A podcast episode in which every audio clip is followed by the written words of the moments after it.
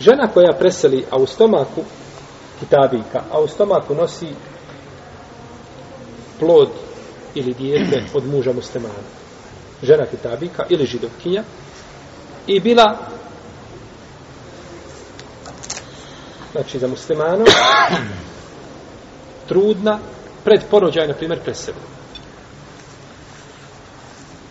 Šta će biti sa djetetom i sa njom? Gdje ćemo je ukopati?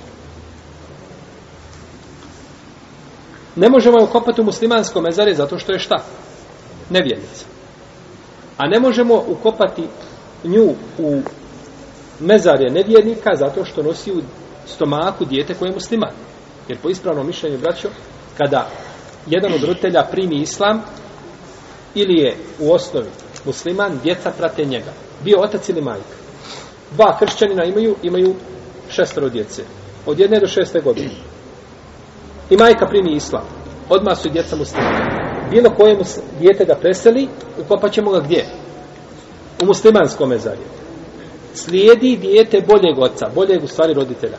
Slijedi boljeg od dva roditelja. Pa koje je bolje, koje je primilo islam, njega slijedi. Za razliku od toga da su jedno i drugo nevjernici da dijete preseli, kao malu, kopaćemo ga gdje? U nevjerničkom mezarju. Jer ona slijedi roditelje svoje. A ako jedan od njih dvoje primi islam, ili jedan od njih dvoje primi islam, onda slijedi boljeg roditelja.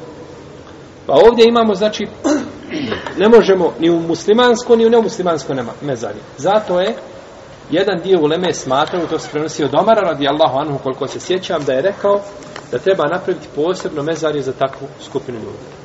Ima posebno mezarje, znači gdje se ukopavaju ljudi, znači, ili osobe ili koje dođu u takvo stanje. Ili kažu, ako nema tog mezara, onda se ukopa negdje van, mimo mezarja. Neće ni u jedno, ni u drugo. I kada se bude ukopavala, ukopat će se ona tako da se okrene sa leđima prema kibli. Ona se okrene kako? Stavi se u lehed, jel u redu? Lehed samo na opačke. Na drugu stranu, tako da bude leđima prema šta? Kibli. Jer dijete utrobi majke biva prema njenim leđima, pa će onda dijete biti licem prema čemu? Jel u redu? Prema kibli. Pa ste tako, ona ne zaslužuje da bude okrenuta prema kibli zato što nije osnovi muslimanka, a dijete je okrenuto prema kibli. Pa smo tako spojili, znači, dvije stvari koje su, jel legitimne, koje su legitimne u šarijetu.